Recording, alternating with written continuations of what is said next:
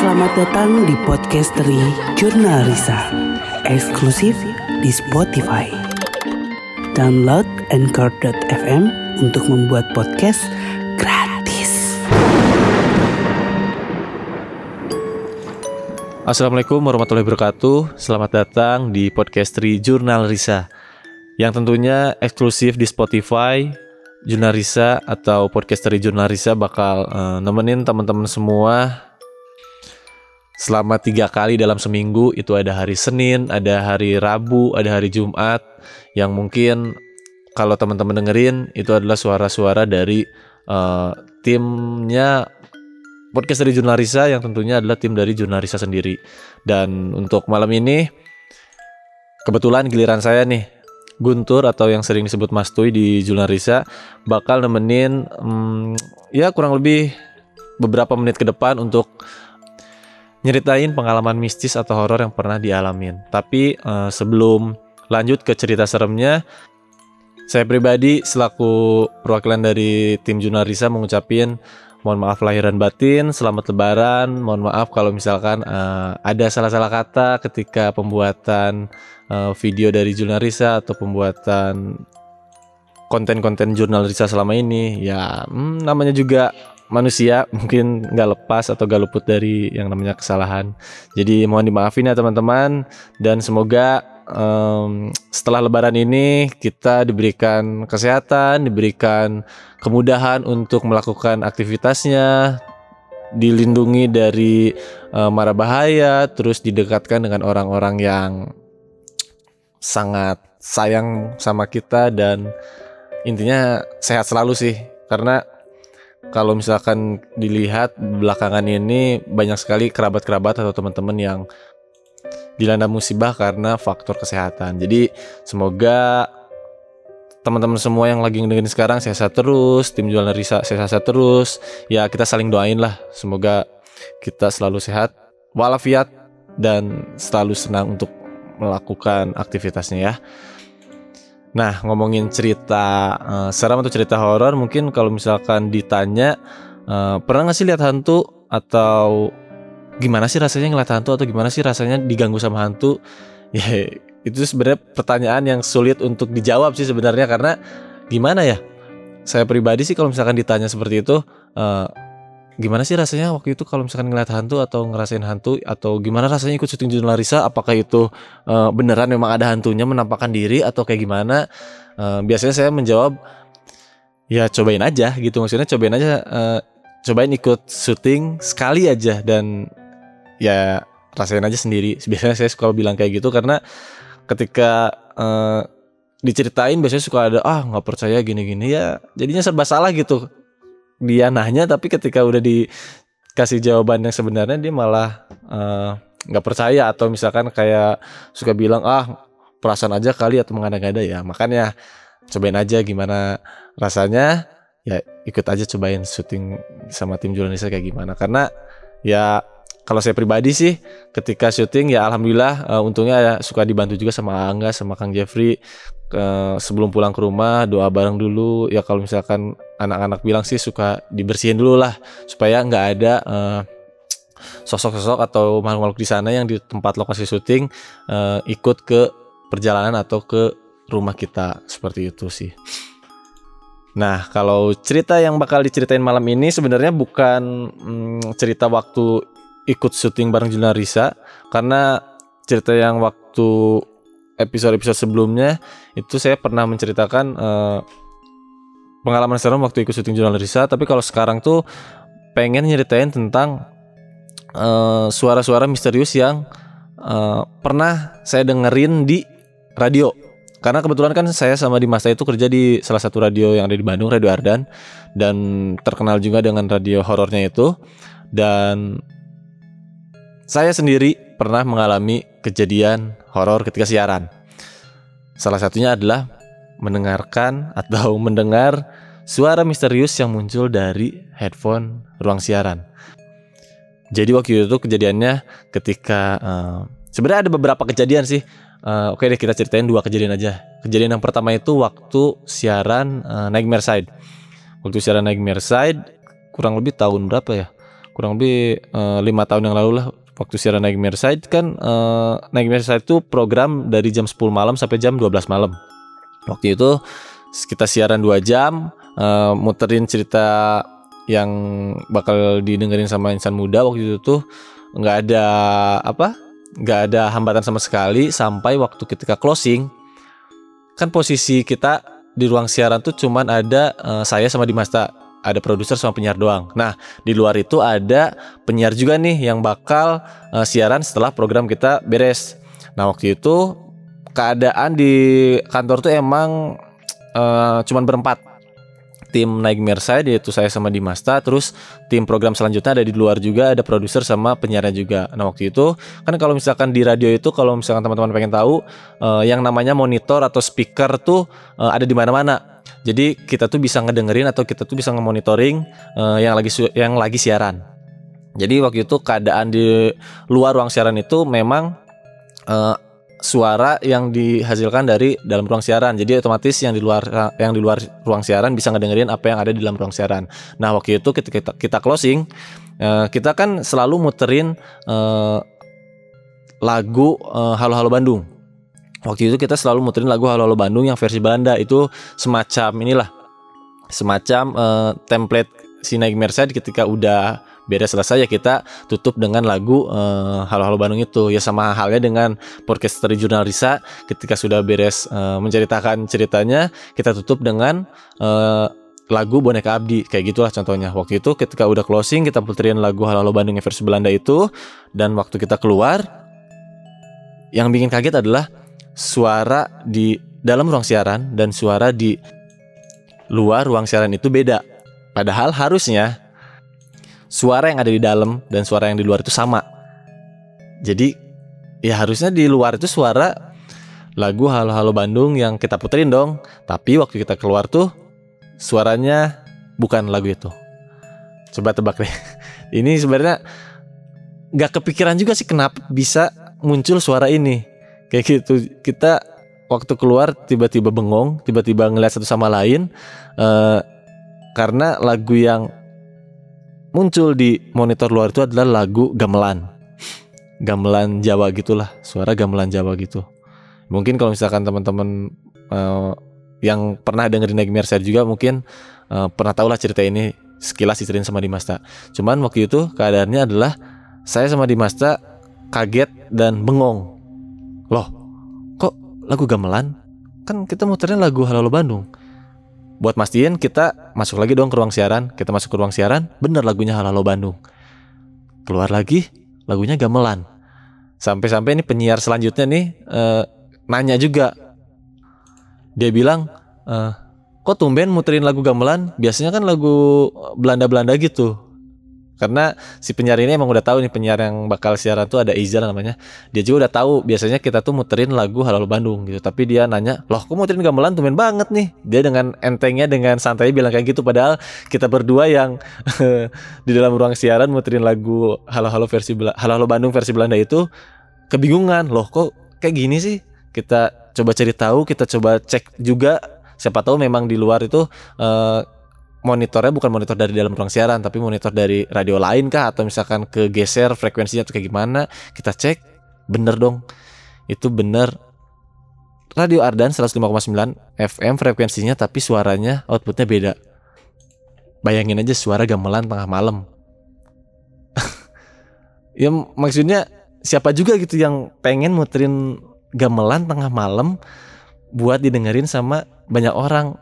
Kan nggak make sense juga juga masuk akal juga gitu. Ya kecuali kalau memang e, tematiknya kita memang muterin si gamelan ya kita nerima aja cuman ini lah kok kayak gini sih?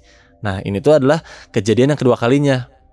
Kejadian kedua kalinya setelah e, kejadian-kejadian sebelumnya juga pernah dialamin cuman yang ini tuh e, dialaminnya tuh sama banyak orang gitu. Maksudnya di, di saksi ini tuh sama banyak orang. Ada saya ada Dimas ada teman-teman juga yang di luar yang udah nungguin bagiannya siaran dan ketika itu kita uh, berusaha nenangin diri meskipun kita panik panik panik paniknya dan yang waktu itu yang kita lakuin adalah kita restart si apa si radio yang ada di luar kita matiin baru kita nyalain dan akhirnya uh, normal lagi lah waktu itu. Singkat cerita kayak gitu singkat cerita normal lagi uh, si radionya jadi suara yang di luar sama suara di dalam tuh udah sama lah sekarang kayak gitu.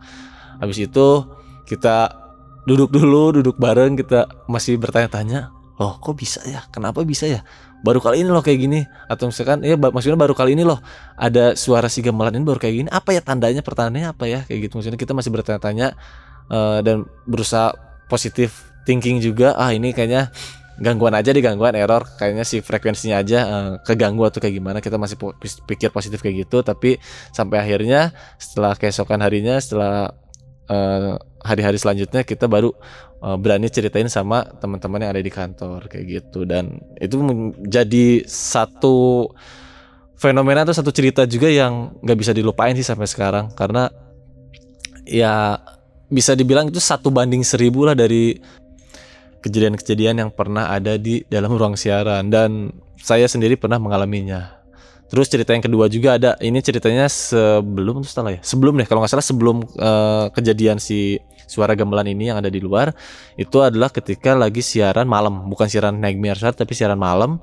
Waktu itu posisinya adalah seperti biasa saya monitoring dari dalam ruang siaran kan si penyiar tuh on udah on mic nih, on mic bacain interaksi sama si pendengar, lagi bacain uh, request si pendengar juga pas lagi dibacain kan itu posisinya tuh waktu itu kebetulan lagi tanpa back sound maksudnya tanpa background adalah berarti si uh, vokal only. Jadi si suaranya doang yang kedengeran nih. Nggak ada instrumen musik di belakangnya di belakang si penyiar ini. Dia lagi ngobrol ngobrol ngobrol ngobrol tiba-tiba uh, ada suara yang ketawa. Itu jelas banget ada suara ketawa. Suara ketawa kecil doang hihi. Suara gitu doang ketawa suara cewek ketawa. Sampai si penyiar yang waktu itu lagi siaran tuh langsung nengok ke arah saya. Langsung nengok langsung dia bilang kayak ngasih kode lah ngasih isyarat kayak gitu. Suara apa itu? Katanya dia bilang kayak gitu. Ah, apa ya? Kata saya tuh masih bingung juga di situ harus jawab apa. Saya pikir dia yang ketawa sambil bacain requestan sambil baca si interaksi itu. Kirain saya itu ekspresi dia lagi ketawa gitu maksudnya. Kayak gitu. Ternyata dia pun bingung sampai uh, setelah baca-baca dia langsung close mic puterin lagu segala macam barulah di situ kita ngobrol. Dia keliat kebingungan juga nanya tur tadi apa ya suara apa? Nggak jahil kan? Bukan lo nge apa katanya? Nge mainin si sound effect di pencet atau kayak gimana? Ya saya waktu itu ada di sana langsung bilang lah sound effect dari mana juga yang bunyinya kayak gitu? Nggak ada kali. Kita nggak pernah masukin sound effect yang suaranya ketawa kayak gitu. Kalau suara sound effect tepuk tangan atau ketawa lucu-lucuan itu ada cuman ini kan ketawanya ketawa cewek gitu maksudnya nggak ada gitu. Nah di situ baru aja langsung dua-duanya langsung wah ini siapa ya? Siapa? Udah malam juga. Uh, kita ya panik ada berusaha untuk relax juga kita selalu berusaha untuk relax karena siarannya masih panjang juga ada dua jam ke depan juga. Situ kita ya Bismillah aja lah kita berdoa. Semoga kita, kita salah dengar meskipun yang dengar berdua. Tapi kita e, positif ya itu salah dengar salah dengar salah dengar lah. Sampai akhirnya ketika cerita cerita sama yang penyiar penyiar lain pun ternyata penyiar lain pun pernah mengalami atau merasakan kejadian kejadian-kejadian seperti itu. Salah satunya waktu itu ada nih penyiar e, lama di Ardan juga sih udah nggak siaran juga sekarang. Kemarin baru ketemu banget dan kita cerita-cerita lagi sama dia. Kalau dulu dia pernah mendengar suara aneh juga di uh, ruang siaran. Tapi ini lebih aneh lagi sih sebenarnya. Jadi teman saya ada penyiar namanya Gigi Bahari. Sebenarnya Gigi Bahari itu adalah uh, nama panggungnya dia, nama nama asli dia itu bukan Gigi Bahari. Tapi yang bikin uh, horornya adalah dan bikin dia ketakutan juga sih sampai sekarang kalau misalkan mengingat-ingat cerita ini. Jadi waktu itu dia tuh lagi training uh, untuk menjadi seorang penyiar di Ardan. Dia lagi training. Kalau di radio tuh biasanya jam-jam training itu adalah jam-jam subuh, jam-jam dini hari mulai dari jam 2 subuh sampai jam 4 eh, pagi kayak gitu. Itu pasti waktu untuk penyiar-penyiar baru atau misalkan anak-anak baru untuk yang lagi belajar siaran uh, ikut training tuh pasti jam-jam segitulah karena itu bukan jam-jam rawan juga dan yang mendengarkan pun maksudnya santai lah gitu nggak terlalu kayak gimana gitu kayak siang hari atau pagi hari. Nah waktu itu singkat cerita dia lagi training buat jadi penyiar dia belajar mixing juga di ruang siaran. Terus waktu dia pakai headphone dan dia lagi muter lagu, tiba-tiba dia ngedengar ada suara yang manggil namanya. Dan yang bikin dia bingung adalah kan dia anak baru di situ. Anak baru di Ardan tuh anak baru. GG itu bukan nama aslinya dan ada yang manggil nama aslinya. Nama aslinya itu kalau nggak salah Galih deh.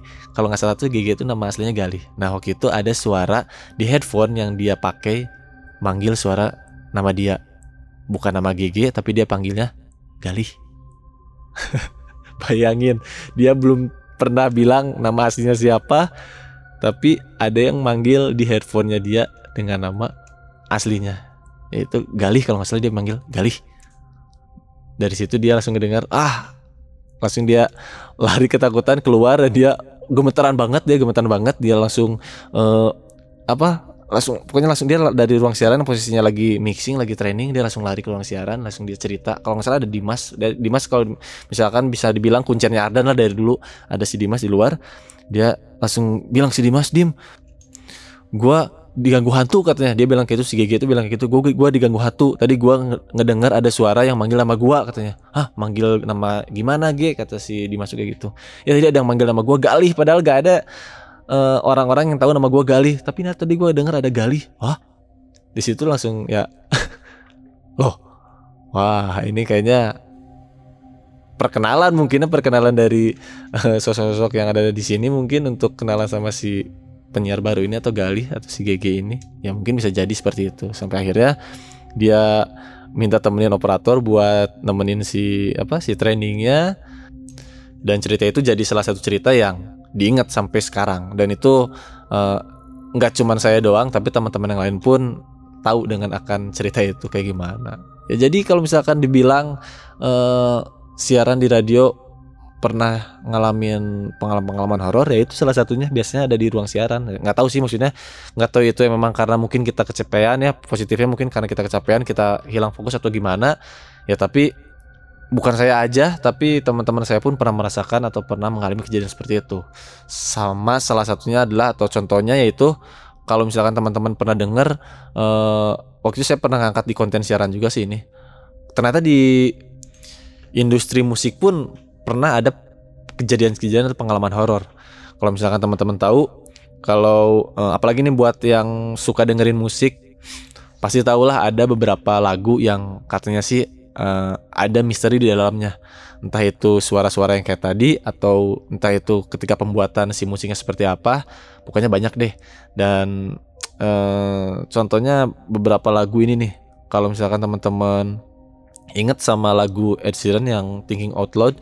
Itu ada uh, ada suara misterius juga sih kalau misalnya kita rewind kita dengerin berulang-ulang ada suara misterius juga sih di bagian uh, si lirik atau penggalan lagunya. Itu kalau nggak salah di menit eh di detik ke 45 deh kalau misalkan teman-teman mau coba dengar cobain aja dengar di detik 45 ada uh, kayak suara ini nih kayak suara anak kecil gitu yang ngikutin si bagian liriknya. Kayak gitu. Kalau misalnya nggak percaya uh, atau misalkan pengen coba flashback pengen ngedengerin lagi atau pengen cobain sensasinya si lagu itu cobain aja dengerin. Ada sih si suara anak kecil itu.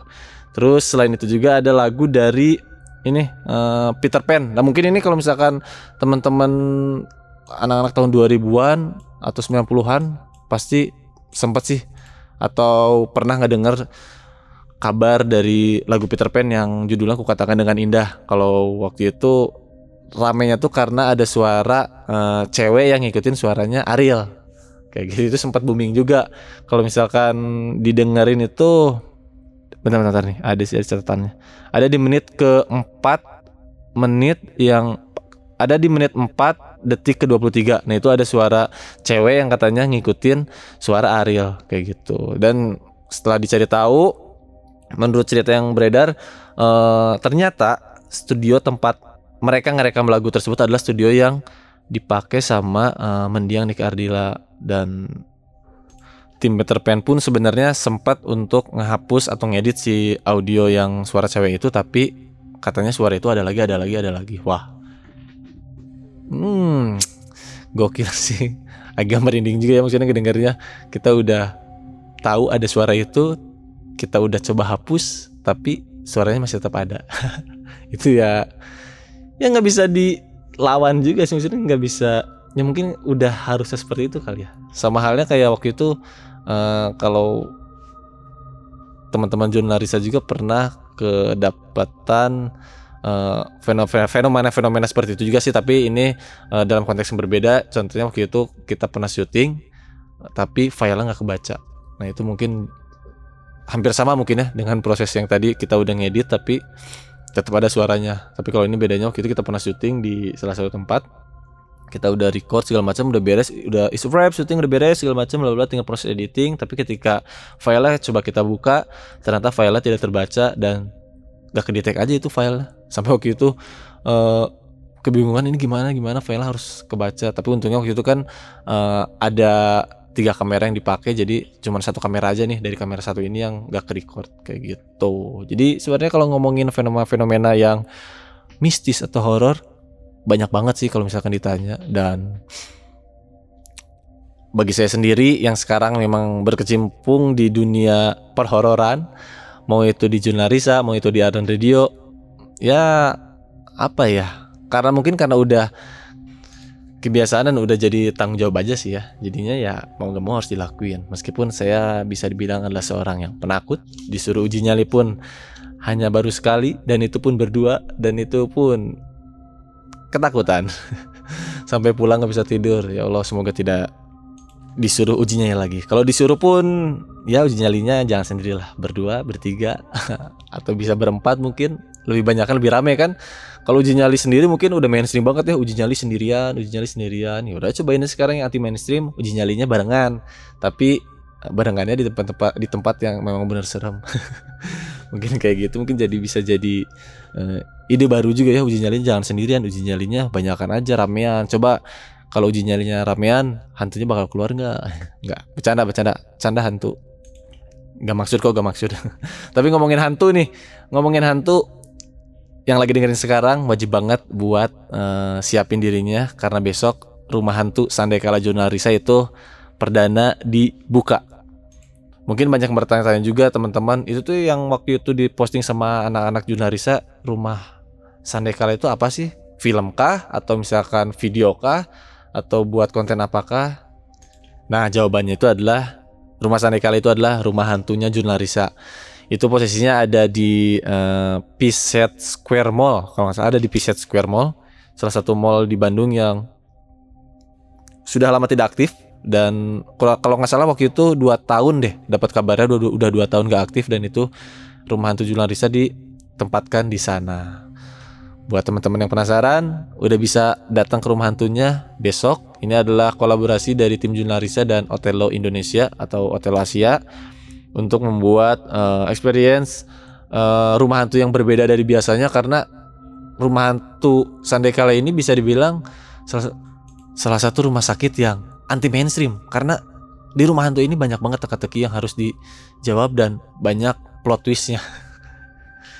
Kemarin tim Jularisa udah sempat uh, ke sana juga mampir-mampir, kita udah mampir ke sana. Meskipun belum jadi, tapi wah wajib banget sih, wajib banget buat datang ke sana dan ngerasain uh, apa aja yang ada di sana, sosok-sosok apa yang ada di sana, apakah sosok-sosok yang memang jadi figuran di sana atau sosok-sosok yang memang asli yang ada di sana? Walau alam. Ntar yang dilihat ya mungkin itu yang harus kita lihat. Jadi jangan lupa sekali lagi ngingetin uh, buat datang ke rumah hantu Sandekala Junarisa itu ada di Piset Square Mall. Kalau misalkan nggak tahu alamatnya kalian bisa googling aja cek aja. Dekat kok itu di Jalan Lasu Jalan BKR ya masuknya. Itu di daerah situ daerah bawah batu. Itu dekat banget. Harga tiketnya pun murah. Kalau nggak salah harga tiketnya empat puluh ribu deh. Empat puluh ribu harga tiketnya dan di sesi gitu dalam satu hari ada beberapa sesi yang bisa kamu datengin. Kalau misalnya kamu nggak bisa pagi ya mungkin bisa di sesi siang malam sore atau tengah malam kalau ada. Buat info lebih lanjutnya kamu bisa cek aja di Instagram tim Junarisa tim underscore Junarisa atau di Otelo Asia. Di situ lengkap banget. Tiketnya bisa dibeli di tiket.com ya setelah lebaran pasti uh, banyak duit dong. Dapat THR dari saudara dari sana saudara dari sana sini dari teman-teman. Jadi daripada uangnya dipakai yang gak jelas ini dipakai yang lebih jelas aja datang ke rumah hantu Sandekala Junarisa itu bakal ada satu bulan uh, di Bandung dan jangan khawatir juga yang di luaran Bandung karena selain di Bandung, Rumah Hantu Sandekala juga bakalan ada di kota-kota kalian. Kota-kotanya kalau nggak salah ada di Jakarta, ada di uh, Bekasi gitu kalau nggak salah. Bisa dicek aja lah pokoknya di uh, Instagramnya Otelo Asia. Jangan lupa datang, jangan lupa kasih tahu teman-teman kamu semuanya. Kalau misalkan gak berani sendirian, ya ajakin teman-teman, ajakin saudara kamu, ajakin gebetan kamu, ajakin pacar kamu buat datang ke Rumah Hantu Sandekala ini. Kayak gitu teman-teman. Tapi paling cocok sih ajakin gebetan ya ajakin gebetan karena itu bisa jadi momentum yang uh, sangat-sangat uh, menguntungkan untuk para para kaum jomblo karena kalau kaget kan bisa dapat pelukan gratis ya kalau meluk kalau nggak dipeluk ya udah nggak apa-apa. Ya udah kalau gitu terima kasih teman-teman yang udah ngedengerin podcast dari Junarisa uh, malam hari ini uh, saya Guntur atau Mas Tuy mau pamit dulu. Saya mau lanjut mengedit video untuk besok. Karena besok ada tayangan spesial juga dari Julna Risa yang bakal nemenin liburan teman-teman semua yang sekarang lagi menikmati liburan lebaran. Oke, jangan lupa juga dengerin podcast dari Julna Risa setiap hari Senin, Rabu, setiap hari Jumat jam 8 malam uh, dan YouTube juga jangan lupa nonton kontennya jurnalisa yang ada di YouTube setiap hari Selasa dan Kamis dan selalu support uh, konten-konten dari tim jurnalisa karena konten yang kita buat adalah konten yang memang dikhususkan untuk fans-fans setia Jurnalisa. Kalau gitu cukup sekian untuk podcast dari Jurnalisa malam ini. Diambil yang baik-baiknya aja, dibuang yang buruk-buruknya aja. Selamat malam. Assalamualaikum warahmatullahi wabarakatuh.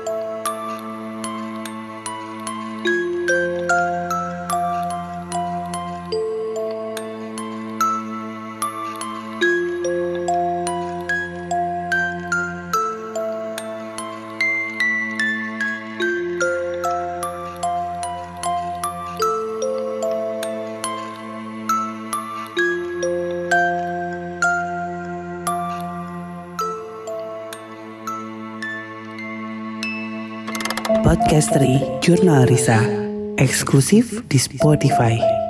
Download Anchor.fm untuk membuat podcast gratis.